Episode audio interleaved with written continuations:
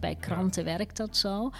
Um, en ook bij de omroep trouwens. Van nou ja, je komt en dit is wat we betalen. Maar bij die congressen vragen ze dan, wat zou het kosten? En dan moest ik daar dus actief over gaan nadenken. Van, ook oh, moet ik iets gaan vragen. Je luistert naar de Pegel Podcast. We gaan op bezoek bij freelance journalisten met onze mobiele studio. We vragen hoe freelancers ruimte maken voor journalistiek die ze echt belangrijk vinden. En hoe ze ondertussen het hoofd boven water houden. Ik ben Sjoerd. En ik ben Erwin. Deze keer spreken we over de waarde van de mening met Shaila Sitelsing. Shaila is een toonaangevende opiniemaker. Ze schrijft drie keer per week een column voor de Volkskrant. Kan je vertellen waar we nu zitten? Ja, we zitten nu in mijn ehm, huis, in mijn woonkamer. En dat is ook de plek waar ik werk, aan deze tafel waar we nu aan zitten. Oh, echt hier, hier daar werk ik altijd aan. Ja, gewoon daar op de, op de top, daar, daar staat mijn laptop en daar zit ik normaal grootste gedeelte van mijn tijd gaat op aan wat ik voor de Volkskrant doe. Dat zijn die columns. En die um, moeten over de actualiteit gaan. Het staat op pagina 2 van de krant, dus in de, in de marge van, van, van de nieuwspagina's. Dus ik moet daar een beetje bij aanhaken. Dus dat is eigenlijk mijn enige opdracht. Is uh, becommentarieer het nieuws of, of plaats er een kanttekening bij of plaats het in een ander perspectief. Um, ik kies meestal voor politieke of economische onderwerpen. Ik ben daar niet per se aan gebonden door de krant, maar dat is vanuit mijn ervaring en mijn achtergrond. Daar heb ik gewoon de meeste journalistieke ervaring in. Ik heb heel lang op economieredacties gewerkt. Ik ben chef economie geweest.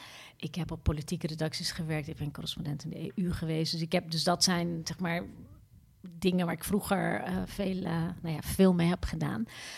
Dus, die, dus het ligt ook meest voor de hand dat ik daar dan mijn columns ook over schrijf. Omdat ik daar het meest van weet, daar het meeste netwerk in heb. Daar nog, nou ja, het, het, het, het makkelijkst eigenlijk... Um, um, nou ja, net, net iets dieper kan gaan uh, als het over een bepaald onderwerp gaat. En ben je vandaag ook met een column bezig? Nee, uh, maandag is geen schrijfdag. Ah, ik heb uh, mijn schrijfdagen voor de krant, voor de Volkskrant, zijn zondag, dinsdag en donderdag. En um, ik sta in de maandagkrant, woensdagkrant en de vrijdagkrant. En de andere dagen gebruik ik voor mijn andere opdrachtgeverswerkzaamheden administratie, uh, facturen, belastingdienst, nou ja, ja. En, ja, precies, ja. ja. Hoe, hoe uh, uh, want je schrijft je column in één dag. Ja. Ik, hoe pak je dat dan wel. aan? Um, ik begin altijd s morgens op de dag dat ik moet schrijven ja, nieuwsbeeld. Wat, wat is er? Wat, wat zijn de onderwerpen van de dag? Wat is het gesprek van de dag? Of wat is het grote thema, wat mij betreft, van, van deze periode, van deze tijd? Uh, en wat is het actuele haakje daarbij? Dus ik ga. Um, de ochtend gebruik ik dan om heel veel te lezen. Ik lees kranten. Ik heb, uh, er komen hier binnen thuis allerlei kranten binnen. De, de Telegraaf en het Financieel Dagblad en de Volkskrant zelf natuurlijk. En ik ga online zoeken naar wat er allemaal nog meer uh, aan de hand is. Ik heb de radio de hele dag aan staan. Radio 1 die moest nu even uit vanwege de podcast, maar normaal staat hij gewoon de hele dag aan. Uh, dus zo, eh, dus die ochtend, de ochtend gebruik ik eigenlijk om een soort beeld te krijgen van oké, dit is ongeveer het gesprek van de dag. Ik denk dat, weet je, zoals talkshows denk ik ook te werk gaan. Weet je, die gaan dan s ochtends bladeren van oké, wat gaan we, gaan we het over hebben? Nou, zoiets doe ik ook. Waar ga ik het over hebben? De, de eenmansredactie Shaila. Zoiets, ja. Ja, die gaat dan met zichzelf in vergadering. Hoe moet erover gaan? En soms weet ik het ook echt niet. Er zijn mhm. van die dagen dat er niks is of niks wat ik leuk vind. En soms weet ik het meteen. Dat ik och, soms iets lees en denk, ah, dat is hem. Ja. Dus dat, dat hangt heel erg uh, vanaf. Ja, daar kan ik me ook wel voorstellen dat je de ene keer veel meer tijd kwijt bent ja. aan je werkzaamheden dan de andere keer. Ja, hoe, hoe, plan je dat in? Ja, nou ja, ik, in principe nee, um, hou ik de dag dat ik uh, voor de Volkskrant moet schrijven vrij. Dus ik zei, nee, dat is gewoon mijn schrijfdag. Dus dan plan ik geen andere dingen die echt veel tijd kosten. Dat is niet altijd um, zo in te plannen, want ik, ik ik moet ook wel eens, ik heb ook wel eens afspraken of ik, dat ik wil bijpraten met mensen en dat ze alleen op, op een dinsdag of een donderdag kunnen. Um, Vroeger was ik, werd ik altijd heel erg nerveus. Dacht ik, ja, dat kan eigenlijk niet. En dan ging ik helemaal, eigenlijk heel gespannen naar zo'n afspraak toe. En dan zat ik de hele tijd op mijn horloge te kijken. En dan dacht ik, oh god, ik moet nog een column, ik moet nog een column. Maar inmiddels doe ik dat al zo lang, die columns. Dat is wel een voordeel van als je het heel lang doet. Dat ik denk, nou ja, ik ben er wat nonchalanter in geworden. In die zin dat ik denk, ja, er komt altijd wel een stukje. Dus ik durf het nu wel vaker aan om iets te plannen op een schrijfdag. Um, omdat ik de, de ervaring leert dat ik er dan toch altijd wel een stukje is. En als het een hele drukke dag... Ik heb ook wel eens dat ik een klus aanneem, een eenmalige klus, wat een, een, een congres of zo, dat soort dingen doe ik ook. En dat duurt dan voor de hele donderdagmiddag. En dan weet ik van ja, ik moet donderdag ook nog tikken. Dan ga ik wel op woensdag al een onderwerp in elk geval bedenken en het alvast in de stijger zetten. Zodat Ja. ik donderdag niet helemaal op eieren of op hoe noem je dat, hete kolen zit eh, op zo'n Ja, precies. Ja, ja. zo'n hele middag. Dus, dus het is wel, ja, het, het, eh, je moet gewoon even een beetje plannen. Hoe- Hoeveel tijd ben je eh, gemiddeld kwijt aan zo'n column? Eh, ja, dat, dat varieert heel erg. Ehm, om- als het een onderwerp is wat echt zo klaar als een klontje is, dan heb ik eigenlijk alleen mijn, mijn, mijn schrijftijd nodig, mijn tiktijd. Want dan heb ik al, het denkwerk gewoon al binnen vijf minuten gedaan. Dan ga ik gewoon zitten en dan ga ik tikken. En dan kan ik in twee, drie uur gewoon een stuk tikken. Bijvoorbeeld vandaag, eh, eh, eh, voorbeeld, ik, ik hoef vandaag niet te schrijven, maar stel dat ik vandaag zou moeten schrijven. De Volkskrant heeft vandaag een interview met, met Halbe Zijlstra, minister van Buitenlandse Zaken, dat hij gejokt heeft over dat hij ooit met Poetin in één kamer had gezeten. En het was een soort jongensverhaal, dat heeft groot ja. gemaakt en ik Ja. kon er niet meer op terugkomen. En eigenlijk was het gewoon helemaal niet waar. Ja, en hij beschermt nu... Hij zegt dat hij een bron beschermt Ja, ja dat vond ik ook gedaan. super ge- Ja. Het is zo'n geestig. Nou, dat is, dat is echt een inkopper. Weet Ja. je, als ik, daar kan ik in, in, daar ga ik zitten en heb ik in een uur een column. Want ik weet heel veel van Zijlstra. Ik volg hem al heel lang. Dus dan haal ik al zijn, zijn paaseitjes en zijn borstvergroting haal ik er allemaal bij. En dan heb ik, heb Ja. ik zo een stuk. Dat is, Ja. En dan kan ik in een uur klaar zijn.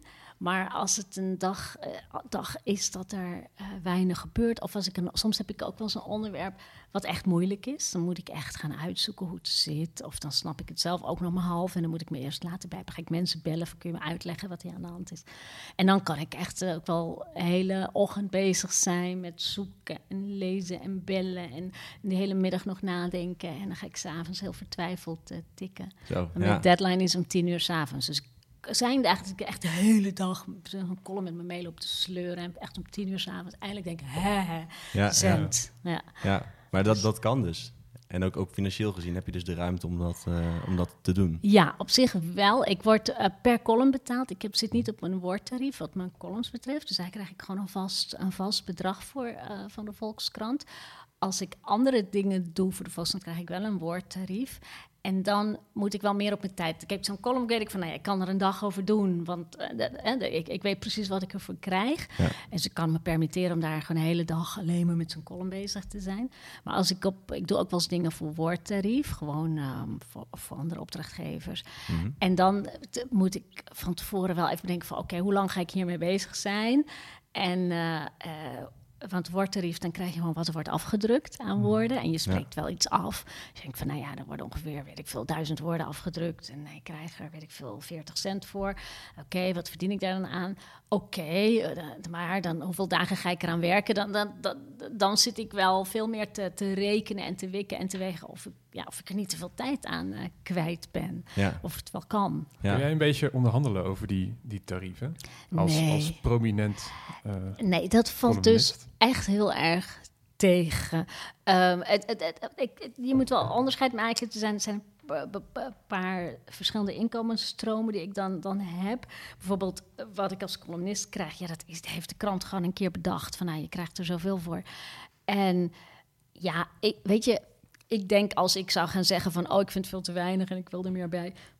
Dat, dat, als ik er heel erg over ga zeuren, dat er op een gegeven moment wel 5 euro bij kan of zo. Maar ik kan niet eh, gaan zeggen, voor dan niet. En ik wil een verdubbeling of zo. Zo gaat het niet. Ik heb tot nu, sinds ik ben begonnen, ik, ik ben in 2011, nou moet ik het even goed zeggen, het was 2011, ja, het was 2011, begonnen met die columns voor de Volkskrant. En in de tussentijd is mijn tarief wel een paar keer verhoogd.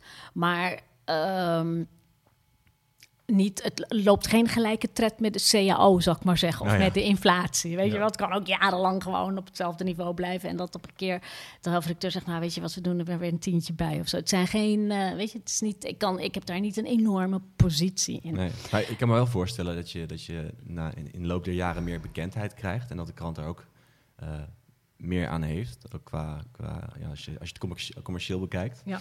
Ehm, maar, maar je ziet dus niet dat het eh, in die zin zo enorm stijgt. Dat, dat het Nee, het is niet zo. parallellen kan trekken. Nee, het is niet zo. Dat, dat doet de krant eh, voor zover. Ik weet in ieder geval niet dat mensen die, weet ik veel, meer worden gelezen of, of, of meer, eh, weet ik veel, bekender zijn of zo meer betaald zouden krijgen dan, dan, dan mensen die dat minder zijn. Ja. Dat, daar zitten geen enorme verschillen tussen. Het is niet zo dat er supersterren zijn die, zoals je op tv hebt, met presentatoren die echt met, met tonnen naar huis gaan en presentatoren die dat niet zijn.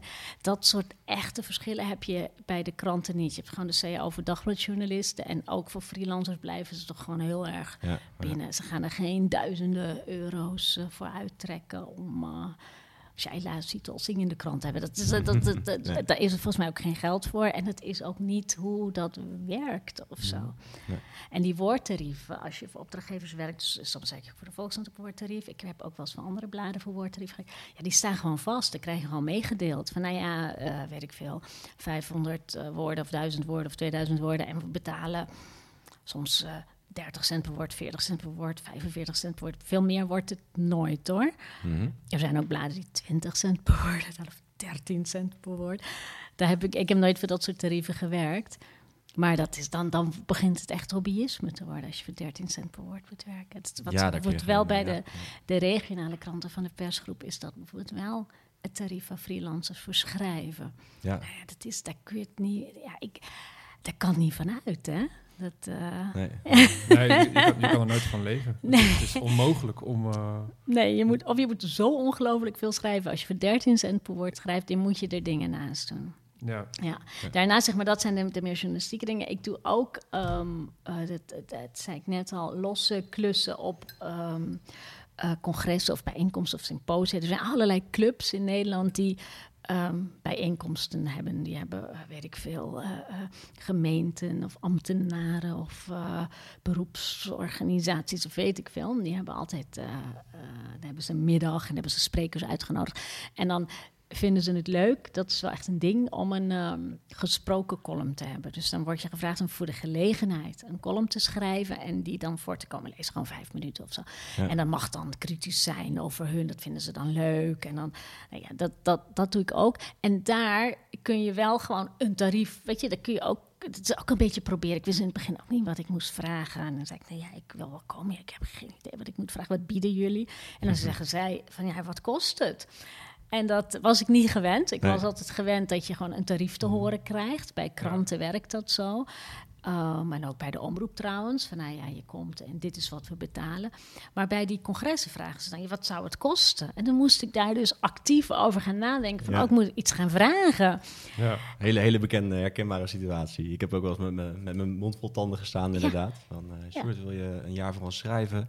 Dus ja, nee, natuurlijk. eh, ik heb eh, twee dagen in de week tijd. Ja, En eh, ja, inderdaad, wat gaat het ons kosten? Ik zo, ehm, ja daar moet je even over nadenken. Ja, nee, Ja, dan, kom je, dan precies. kom je in een soort natte vingerwerksituatie. Ja, Ja, ja, Dan ja. ga je- dan ga je precies. vrienden bellen van, Ja. eh, goh, jij hebt zoiets gedaan. Ja, Ja, en die precies. zeggen dan, ja, ik heb toen dat gezegd en ze zeiden ja. En ik was, Ja. ik was helemaal verbaasd over Ja. dat Ja. ze... Terwijl ik het eigenlijk de normaalste zaak van de wereld vind. Dat eh, organisaties aan een freelancer vragen wat, wat zijn werk kost. Absoluut. Dit is eigenlijk ook hoe het zou moeten gaan. Maar eh, eh, door dat, dan weet je dus ook niet zo goed wat je moet vragen. En inderdaad, dan ga je mensen bellen die, die zelf wel eens zoiets hebben gedaan. En de een zegt ja, 500 euro. En de ander zegt oh, 1000. En zeg 1000, dat kan ik toch niet vragen? en dan eh, dat je ook zelf een soort van, eh, van, ja, jeetje, dat vind ik ook wel belachelijk of zo. Dus dat je dan zelf op een gegeven moment dan inderdaad een bedrag vraagt. En dan later hoort dat je de allergoedkoopste was van het hele congres. en dat je denkt, oké, Wijze les voor de volgende keer. gooi ik er volgende keer 100 euro bovenop. En dan, dus zo eh, is het, het is een beetje zoeken. En ook Ja. type organisaties. Als ik iets doe voor een eh, goede doelenorganisatie of een vrijwilligersorganisatie, dan zeg ik ook, nee, weet je, geef me een fles wijn, dan wil ik ook wel komen.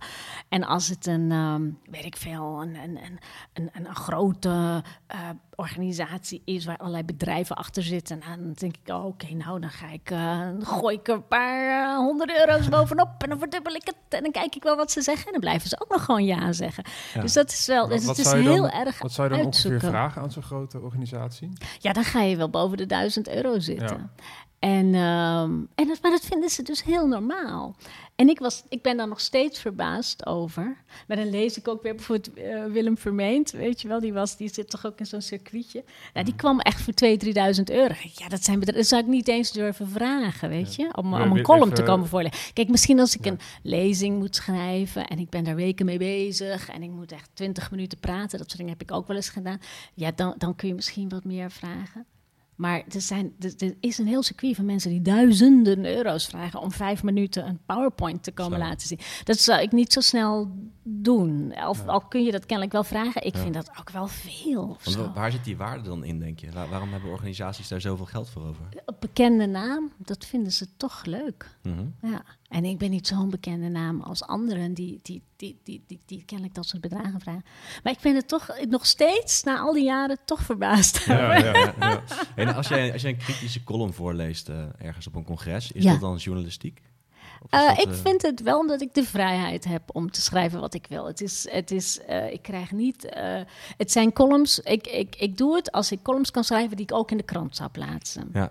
Als het een column is waarvan ik denk, ja, die zou ik ook zo in de krant kunnen afdrukken, dan doe ik het. Dan ga ik. Dat, uh, en als het, weet je, als ze zeggen van goh, we hebben een leuke avond en we willen dat jij ook iets, iets komt vertellen over dat het zo leuk is, ja, dat doe ik niet. Maar daar word ik ook eigenlijk nooit voor gevraagd, want de, de, de meestal mensen die dat soort dingen organiseren hebben ook wel door wat mijn rol is. Die lezen mijn stukjes in de krant. Ze weten hoe kritisch jij bent.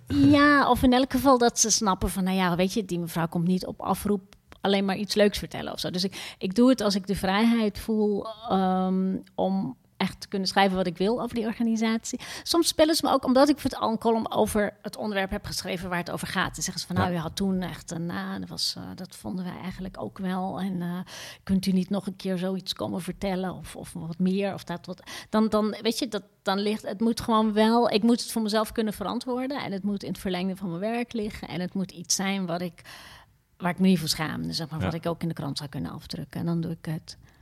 Dus, uh, ja, ja, ja. Het is allemaal uh, opinierende uh, journalistiek, ja. waar we het niet over hebben gehad. Ja, eigenlijk wel. Ja. Waarom heb je daarvoor gekozen? Ja, ik heb er eigenlijk niet eens echt heel actief voor gekozen. Ik was altijd um, gewoon uitvoerend journalist, zeg maar. Ik heb op allerlei redacties gewerkt. Um, verslaggever geweest, chef geweest. Ik heb eigenlijk nooit um, in de columnistiek of in de opiniehoek gezeten. Wel een tijdje commentaarberaad van de krant. Dan moet je af en toe het commentaar schrijven, dat soort dingen. Maar niet, uh, dit was niet per se een, een, route of een richting of een specialisme van me. En toen ik... Um, ik ben op een gegeven moment uit dienst gegaan in 2009. Toen, toen werd mijn... Uh, mijn tweede kind geboren en ik wilde even een sabbatical en ik wilde even weg en wilde even niks meer. Want ik werkte toen in Den Haag als verslaggever. En dat was heel uh, vermoeiend, lange dagen. En toen, um, toen ben ik door de krant, toen, toen, was ik freelancer. En toen ben ik op een gegeven moment door de nieuwe hoofdredacteur, Philippe Remarque was toen net hoofdredacteur geworden bij de Volkskrant, op een gegeven moment gebeld van, goh, um, de, het was de, de, toen pagina 2 columnist, dat was uh, Ronald Giphart samen met Bert Wagendorp. En Giphart die ging ermee stoppen, want hij kon met boeken schrijven dat, dat, en columns, dat is, is niet te doen. Dus die ging daarmee stoppen. En of ik hem wilde vervangen. Dus ik had dat zelf helemaal niet bedacht. Nee, ik heb er ook niet op gesolliciteerd. Ja. ik had er niet op gesolliciteerd. Ik mhm. had het niet bedacht. Ik had, dacht ook niet per se dat ik het kon. En, uh, maar toen ben ik het maar gaan proberen. En in het begin was het natuurlijk heel ingewikkeld en moeilijk. En, Klinkt uh, als uh, stress. Ja, het was, stress. Ja, heel, heel veel stress. Maar, maar het was ook wel heel erg leuk. En ik kreeg gaandeweg ook wel, weet je, het wordt makkelijker en het wordt eh, leuker en zo. Dus zo ben ik het blijven doen. Dus het, is niet, het was niet een heel bewuste afslag of zo.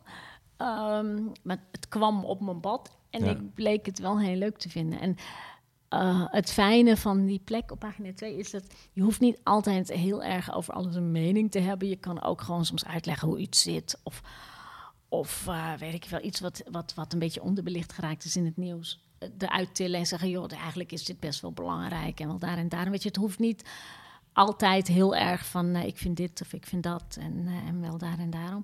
Je kan het, soms kan je het ook een beetje midden laten of gewoon een kanttekening of een beetje iets een beetje en het belachelijke trekken. Je kan, je, je, je kan er heel veel kanten mee op.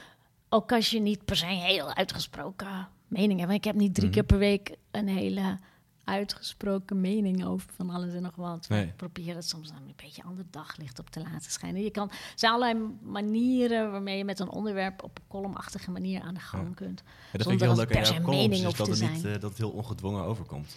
Dat heb ik vaak met, eh, met mensen die een vaste column hebben. Soms lees je een column en dan denk je van ja, ik weet niet, misschien, misschien is dit zo, zo ingestoken omdat je een mening moest hebben op dat moment of zo. Maar dat, dat heb ik bij jou niet. Dat vind ik wel Ja, mooi om, eh, Er zijn, ook, lezen. wel- er zijn ook wel eens dagen dat ik het gewoon niet weet. En dat ik Mhm. ga maar wat, weet je, dan flans ik echt letterlijk wat in elkaar. Dan zit mijn, mijn man, dan zit ik hier te tikken en mijn man die staat dan hier in de keuken. En ik zeg dan, de lezers zouden dat moeten weten. Ja, nu weet een deel van de lezers. En dat allemaal, bloedserieus. Ja. Dan zit ik hier vloekend. Oh, god, nou, ik gooi dit er wel in. Ach, weet je wat, ik doe dat er nog wel. Ben ik nog niet op lengte? En dan mijn man, oh, de lezer zou eens moeten weten. Ja. Dat, dat vind ik best wel grappig om, om, om daar even op in te gaan. Want Ja. ik denk dat voor veel freelance journalisten ben jij toch een soort, soort een beroemde journalist, een, een, een autoriteit. Nou, hè? Zo van, eh, ja. ik ben de columniste van de Volkskrant. En, eh, maar je bent ook chef geweest ja, op een redactie. ja. Dus jij hebt eigenlijk allebei de kanten gezien. Ja, ik heb freelancers ehm, gehad eh, in, mijn, eh, Ja. in mijn stal, zeg maar. Ik, had, ik ben chef economie geweest bij de Volkskrant, dus... eh ah, god, jaartallen, jaartallen. Nou, begin, eh, begin deze eeuw, ergens een paar jaar.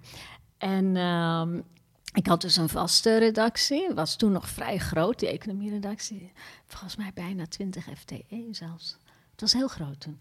En we hadden ook nog freelancers, want we maakten een heel economiekatern. De economieafdeling van de was veel groter dan nu. En die freelancers, ja, dat was dan inderdaad, eh dit was gewoon een vast woordtarief, wat we toen al boden. Dus die werkte gewoon voor een vast woordtarief voor Ja. mij. En die pitchten dan, dus dan eh, stuurden ze ideeën op. Ehm, er waren ook freelancers, er waren bepaalde vaste rubrieken over, eh, over geldzaken. We hadden een aantal freelancers voor. Nou, die stuurden dan lijstjes met ideeën in. En dan eh, zei ik, eh, goh, die is leuk, die is leuk, die is leuk, die is leuk. En, dan, maar, en ze werkten voor vaste tarieven. En je dacht er verder ook helemaal niet bij na van, goh, komt het uit of zo. Maar ik heb het ook wel eens aan de hand gehad. We hadden ook, waren ook freelance correspondenten. Die zaten dan ook op een soort basistarief. En die kregen dan per stukje een beetje betaald. En, eh, en toen had ik, die, had ik een van die correspondenten, volgens mij was het in Amerika, gevraagd van om iets, eh, iets te doen, iets financieels wat er toen speelde. En die was toen met een eh, stukje teruggekomen, op, zich prima stukje.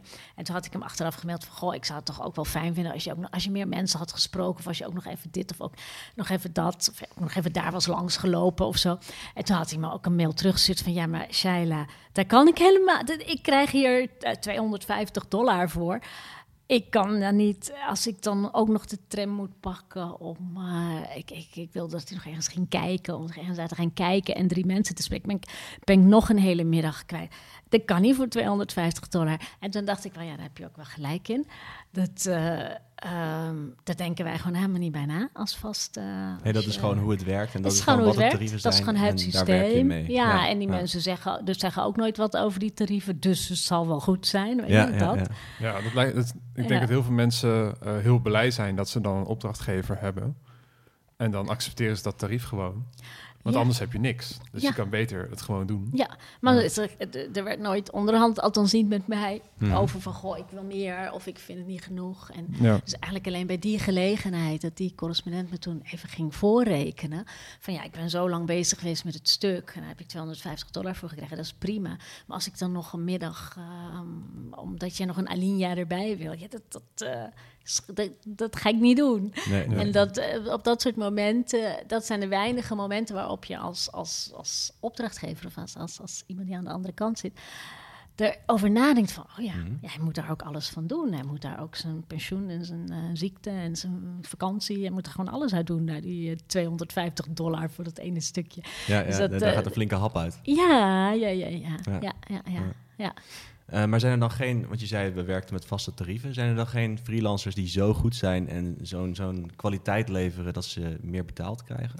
Er zit wel een, een gradatie in die tarieven. Dus je hebt tenminste, zoals het in mijn tijd bij de Volkskrant. Volgens mij doen ze dat nog steeds zo, ook met hun freelancerstal nu. Dat je, je, je hebt um, freelancers die, die een hoger woordtarief krijgen of een lager woordtarief. Dus je, kan, je hebt... Je, ik, ik weet niet wat de precieze staffel nu is hoor, maar weet ik, mm. ik noem maar wat, 25 cent, 35 cent, 45 cent, zo, zo, zoiets, grofweg.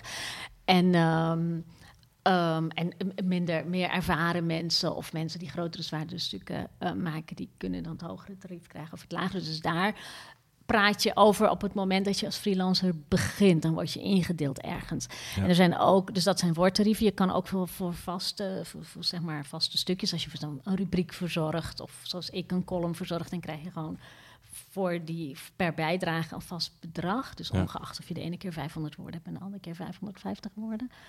Um, en wat, wel, wat de krant wel doet, dat hoorde ik laatst van um, andere freelancers die onderzoeksverhaal hadden gemaakt.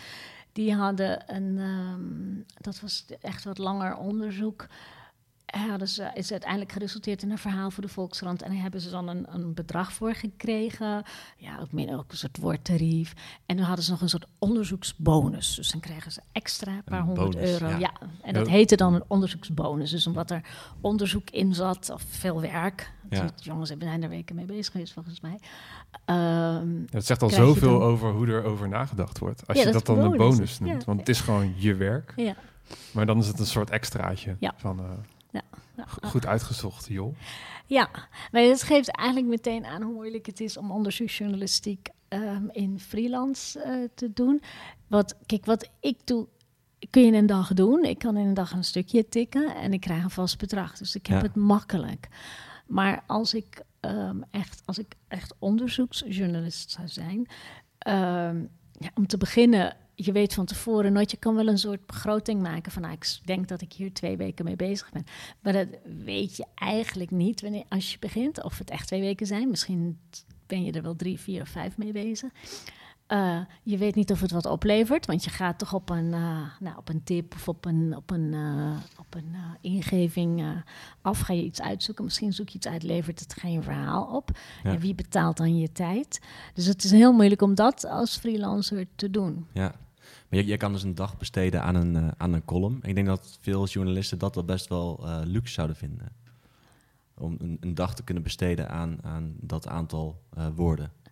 Um, Kun je dat voorstellen? Ja, dat kan ik me wel voorstellen.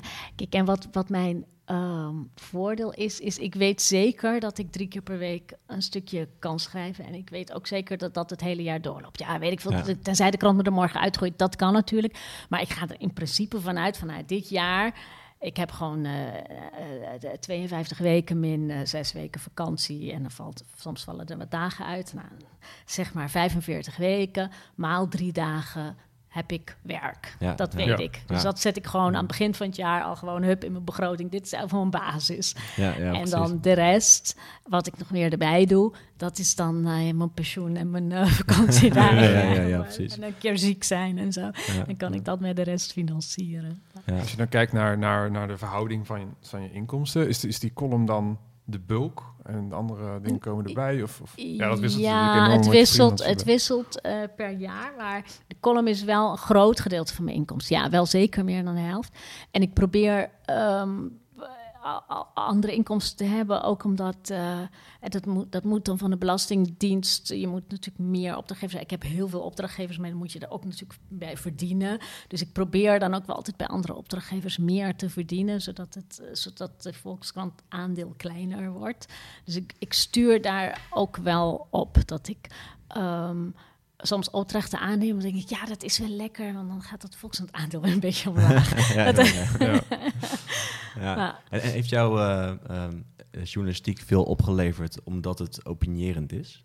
Welke rol heeft dat, um, die, die afslag jou... Uh, je bedoelt of het goed betaalt als je, als je in de meningenjournalistiek gaat? Ja, of het goed betaalt, maar of je daardoor ook misschien meer opdrachten krijgt of meer klussen? Of... Ik weet, durf ik niet te zeggen. Het, um, ja, kijk, weet je, het, het, het, het, het levert. Um, dingen op, zoals, nou ja, wat ik al zei, dat je af en toe op zo'n congres kan staan en dan een, een, een, marktconform tarief kunt vragen, eindelijk eens een keer. Ehm, maar dat is niet per se, denk ik, alleen aan columnisten, hoewel ze wel van columnisten houden, om, om, om columns voor te komen lezen. Maar weet ik veel, ze vragen ook wel eens, ehm, of ze vragen ook graag. ik denk dat het daar vooral fijn is mensen die ze kennen. Dus uh, tv-presentatoren en zo, die hebben ook een enorme circuit aan. Ja, ja.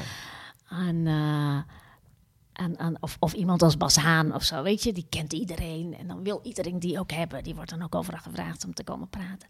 Dus het. Uh, dus, dus, dus, dus, dus ja, het is denk ik eerder. Ja, ik, ik zit even na te denken hoor. Of het nou. Uh, of het een lucratieve weg is. Sorry, zei iets meer in de. Oh, sorry. ja, anders horen ze het niet meer. Sorry, de, mensen thuis kunnen niet meegenieten. dat zou wel heel zonde zijn. Heel zonde. Ja, het is um, ik denk dat um, sowieso, als je geld wil verdienen, moet je überhaupt de journalistiek niet ingaan en ook niet de, de, column, de columnistiek. Nee, nee, ik denk dat niemand veel te veel van. Nee. nee. Dat, dat, is ook juist het interessante aan, aan dit soort gesprekken. Dat, dat mensen gaan de journalistiek in uit een soort uh, idealisme. Dat hoop je dan natuurlijk. Ja, ja nee, en omdat het gewoon leuk is. En omdat je uh, meepraat. En omdat je mee bepaalt. En omdat je dingen boven water haalt die je anders niet boven water gehaald zouden worden. of op dingen wijst. Zeg van, jongens, hebben jullie dat gezien? Ja, ja precies. Wat, wat is jouw missie eigenlijk? Uh, journalistieke missie? Om, om uh, mensen dingen te laten zien die ze misschien niet in eerste instantie zien. Dat er iets in het nieuws gebeurt en dat je denkt, ja, dat is gek. Ja. En, en het mooie is dat ik in mijn hoekje dan kan laten zien, jongens, hebben jullie dit wel gezien? En uh, weet je wat dit betekent? Dat je dat. Je, dat, je dat um... ja, en dat het best wel belangrijk is. Ja, precies. En weet je waarom dat belangrijk is? En dat je op zo'n manier hopelijk een heel klein beetje kan bijdragen aan nou ja, hoe mensen gaan nadenken over de wereld. En uh, nou ja, hoe, hoe, hoe belangrijk het is dat er onafhankelijk geluid is. Weet je, en dat je af en toe ook kunt zeggen van ja, kijk, de keizer heeft geen kleren aan. Kijk dan, jongens, kijk dan, hij heeft geen kleren aan. Dat vind ik het fijne, dat je dat kan doen. En dat, en dat, dat, ja, dat, dat, dat lezers dat dan ja, weet ik veel, die mogen daarmee doen wat ze willen. Maar ik vind het fijn dat ik dat in ieder kan. Ja, nee, heb je nu de ruimte om jouw missie te volbrengen? ja, ik denk het wel. Ik zou, ik, met zo'n platform als de Volkskrant het zou het raar zijn als ik zou klagen dat ik ehm, weinig plek heb om gehoord te worden of zo. Nee, nee, beslist. Uh, nee, ik heb wat dat betreft geen klagen. Dus ik ben ook, zeg ik altijd, ik ben een luxe freelancer, omdat ik natuurlijk een luxe positie heb en, um, en daardoor ook een grote mond kan hebben voor de persgroep is eigenlijk natuurlijk een waardeloze werkgever voor freelancers. En het is belachelijk dat ze 13 cent per woord oh, betalen. Kijk even, die kant op. Aan uh, regiojournalisten. Ja, ik doe, ik, doe, ik doe diensten op de uh, redactie van het AD. Oké. Okay. Eindredactiediensten en, en, internetdiensten. Ja. En daarvoor krijg ik uh, 19 euro per uur. Ja. En, en wat ik heel erg merk, is dat dat is gewoon eigenlijk te weinig om rond te komen. Ook al zou je het fulltime doen. Ja. Want dan, dan kan je nog steeds niet je arbeidsongeschiktheid betalen. Nee. Uh, pensioen niet, je kan niks opzij nee, zetten. Nee, dat kan niet. Nee, het is gewoon minimumloon eigenlijk. Uh, wat ik heel erg aan mezelf merk, is dat je doet dat dan twee dagen de week.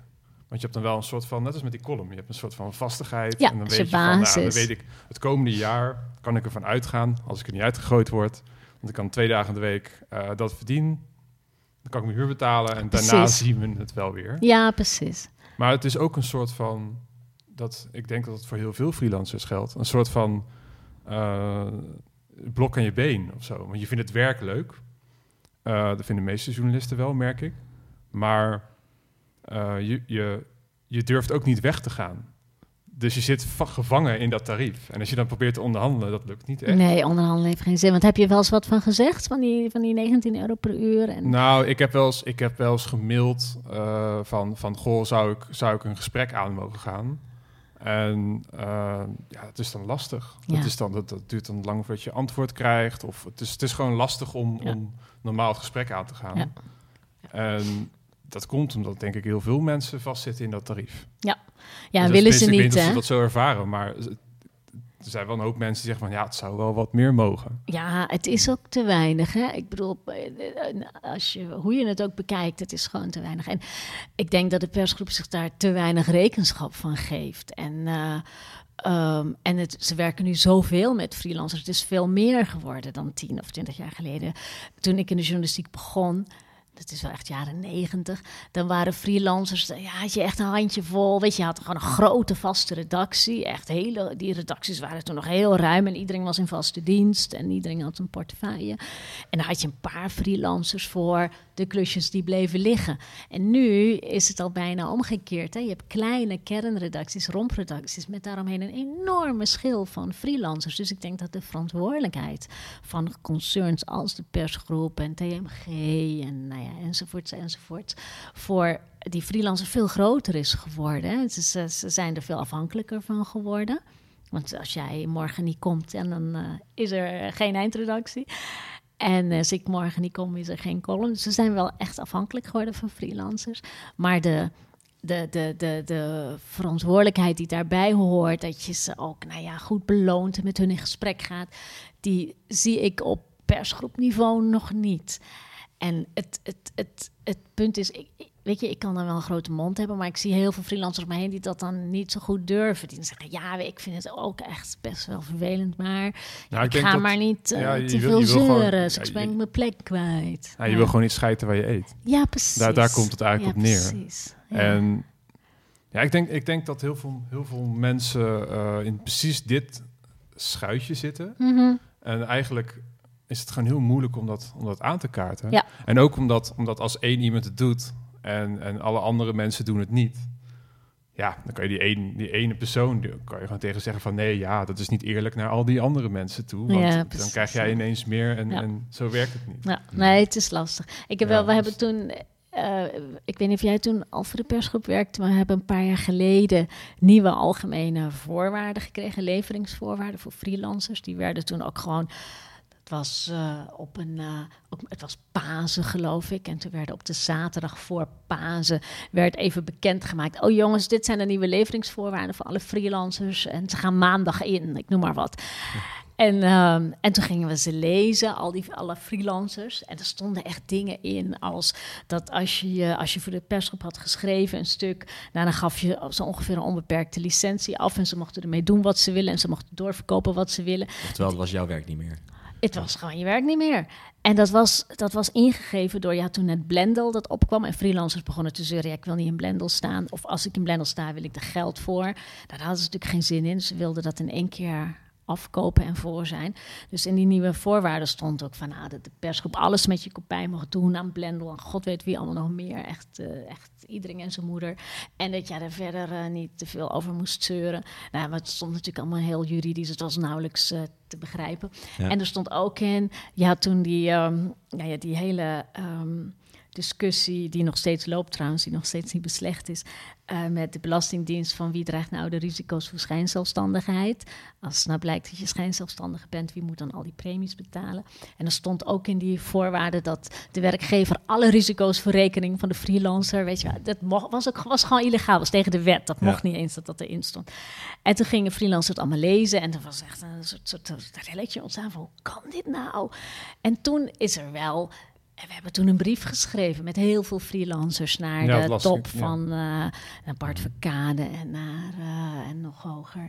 En, uh, en de NVJ is toen wel bijgesprongen. En toen zijn die algemene voorwaarden, nou ja, dat die illegale bepalingen zijn er toen ook uitgehaald, want dat kon niet anders. Ja. Ik weet nog dat ik toen Lodewijk Asscher nog op... Ik dacht, ik doe het gewoon op Twitter. Op Twitter Lodewijk Asscher gezegd... Kijk, dit vragen ze Lodewijk Asscher terug Twitter. Dit is illegaal. Daar ga je voor naar de gevangenis. Dus, weet je, dus we hebben toen helemaal... Uh, uh, ja, ehm, toen durfde iedereen wel of zo. En dat was ook wel... Het had ook wel iets lekkers. Ja. En uiteindelijk, er zijn ook nieuwe algemene voorwaarden. Maar het blijft uh, gedoe hè, van wie is het werk en wat mag je ermee doen. En ik, ik, ik um, denk, ik, ik denk dan, ja, weet ze kunnen de pot op. Als ik mijn column wil weggeven aan iemand, geef ik het gewoon weg. Dus Um, als, als, als, mensen mij vragen, mogen we het uh, herdrukken? Zeg ik altijd, ja, nee, zeker. Zet maar op je website. Heel groot. Ik ben gewoon heel benieuwd wat de persgroep doet. ja, maar die, die treden niet op. Dus, uh, dus weet je, het is ook een beetje uitzoeken wat kan en wat niet Maar ik vind het wel heel, heel interessant dat om dit soort dingen bijvoorbeeld te horen ook. Want zelf, uh, wij hebben het hier heel vaak over. Ook dat ik, dat ik dan diensten doe op die, op die eindredactie bijvoorbeeld. En het is uiteindelijk wel mijn keus. Dat wil ik wel zeggen. Ja. Ik ga erbij akkoord. Ja, tuurlijk. het, het is een vrije wereld. Het is een vrije wereld. Ja, je kan ook dus- niet gaan. Ja. Nee. Maar dat is ook wel de reden dat, dat wij hier zo zijn gaan zitten. Want, want je hebt dan... Uh, je, je accepteert het tarief, je gaat er zitten... Is het, dan, is het dan terecht dat je heel erg boos bent op zo'n ja, bedrijf? Nou ja, wat ik wel... Of ga je dan op zoek naar andere mogelijkheden? Ja, nou ja, wat ik uh, wel uh, wat ik vind, eh, tuurlijk, het is een vrije wereld en iedereen heeft een vrije keuze. Maar je bent wel een individu tegenover een hele grote machtige persgroep. En ehm, je hebt je onderhandelingsmacht is nul. Het is een illusie om te denken dat jij als individu vervolgens um, alle uh, advocaten en onderhandelingstechnieken en macht en, uh, en, en, en, en, en, en, en stokken achter de deur hebt om, om ook echt een, een reëel tarief uit te slepen als je gaat onderhandelen met een persgroep. Dus ik vind dat er wel oog moet zijn voor het feit dat het gewoon een ongelijke machtsverhouding is. En dat is, daar zijn die tarieven een, een uitvloeisel van. Het zijn toch bijna monopolies die ze hebben. Zoveel opdrachtgevers zijn er niet. Um, als ja, en plus de, vraag is, is het wel echt een vrije keuze als iemand geen alternatieven ziet? Dat vraag ik me dan ook af. Ja, dus ik vind dat er wel een rol is voor een soort collectief... Um, ja, collectiviteit van de kant van de freelancers om zo tegen. Je hebt toch macht en tegenmacht. Weet je, daarvoor zijn vakbonden ooit opgericht. Nou ja, voor freelancers, vakbonden zijn niet altijd even ideaal voor freelancers. Want dat, dat, dat, uh, dat, dat, dat merk je ook wel. Er zijn niet, de belangen lopen niet altijd parallel. Dus ja. je hebt ook niet altijd wat aan de vakbond.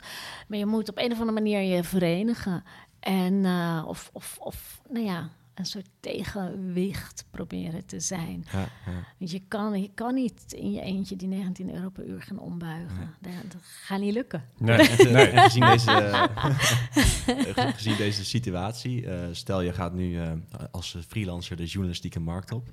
Voor uh, idealen. Voor idealen.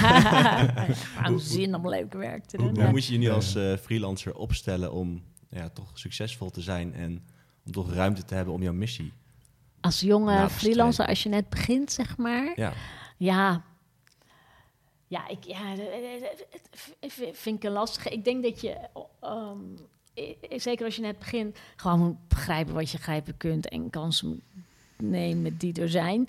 En uh, tegelijkertijd wel voor moet waken dat het geen uitbuiting wordt. Weet je, dat je niet uh, echt voor uh, een tientje per dag allemaal klusjes zit op te knappen op een redactie. Je begint ja. wel een soort van je waardigheid ja. wat je zegt, hoog houden. maar ja. ja, dat, je, dat je wel Nee, weet je, het, wat kan helpen? Wat, wat, wat, wat, wat ik voor het op een gegeven moment ben gaan doen. Ik krijg natuurlijk ontzettend veel verzoeken om gratis ergens te komen. Van nou, we zouden het heel leuk vinden als u een column voor ons zou kunnen schrijven. En hem zou kunnen komen voorlezen. En u zult wel begrijpen dat we geen budget hebben. Uh, maar uh, u krijgt een hele lekkere fles wijn of zo. Nee, en, een podium. En een podium. En een podium, ja. Die hoor je ook vaak, ja. Ja, heel vaak, ja. We zullen wel uh, reclame voor u maken en zo. En in het begin vond ik dat heel lastig hoe je daarna nee tegen moet zeggen. En, uh, en toen heb ik op een gegeven moment voor mezelf gewoon bedacht van... oké, ik doe drie, drie dingen per jaar gratis. Gewoon dingen die ik sympathiek vind. En de vierde, die komt aankloppen en zegt... ja, sorry, ik, heb mijn, ik, doe, ik doe een bepaald percentage, uh, werk ik gewoon gratis. En dat zit vol voor dit jaar. En dat is een veel makkelijke man, makkelijkere manier om mensen af te wijzen of zo. Ja.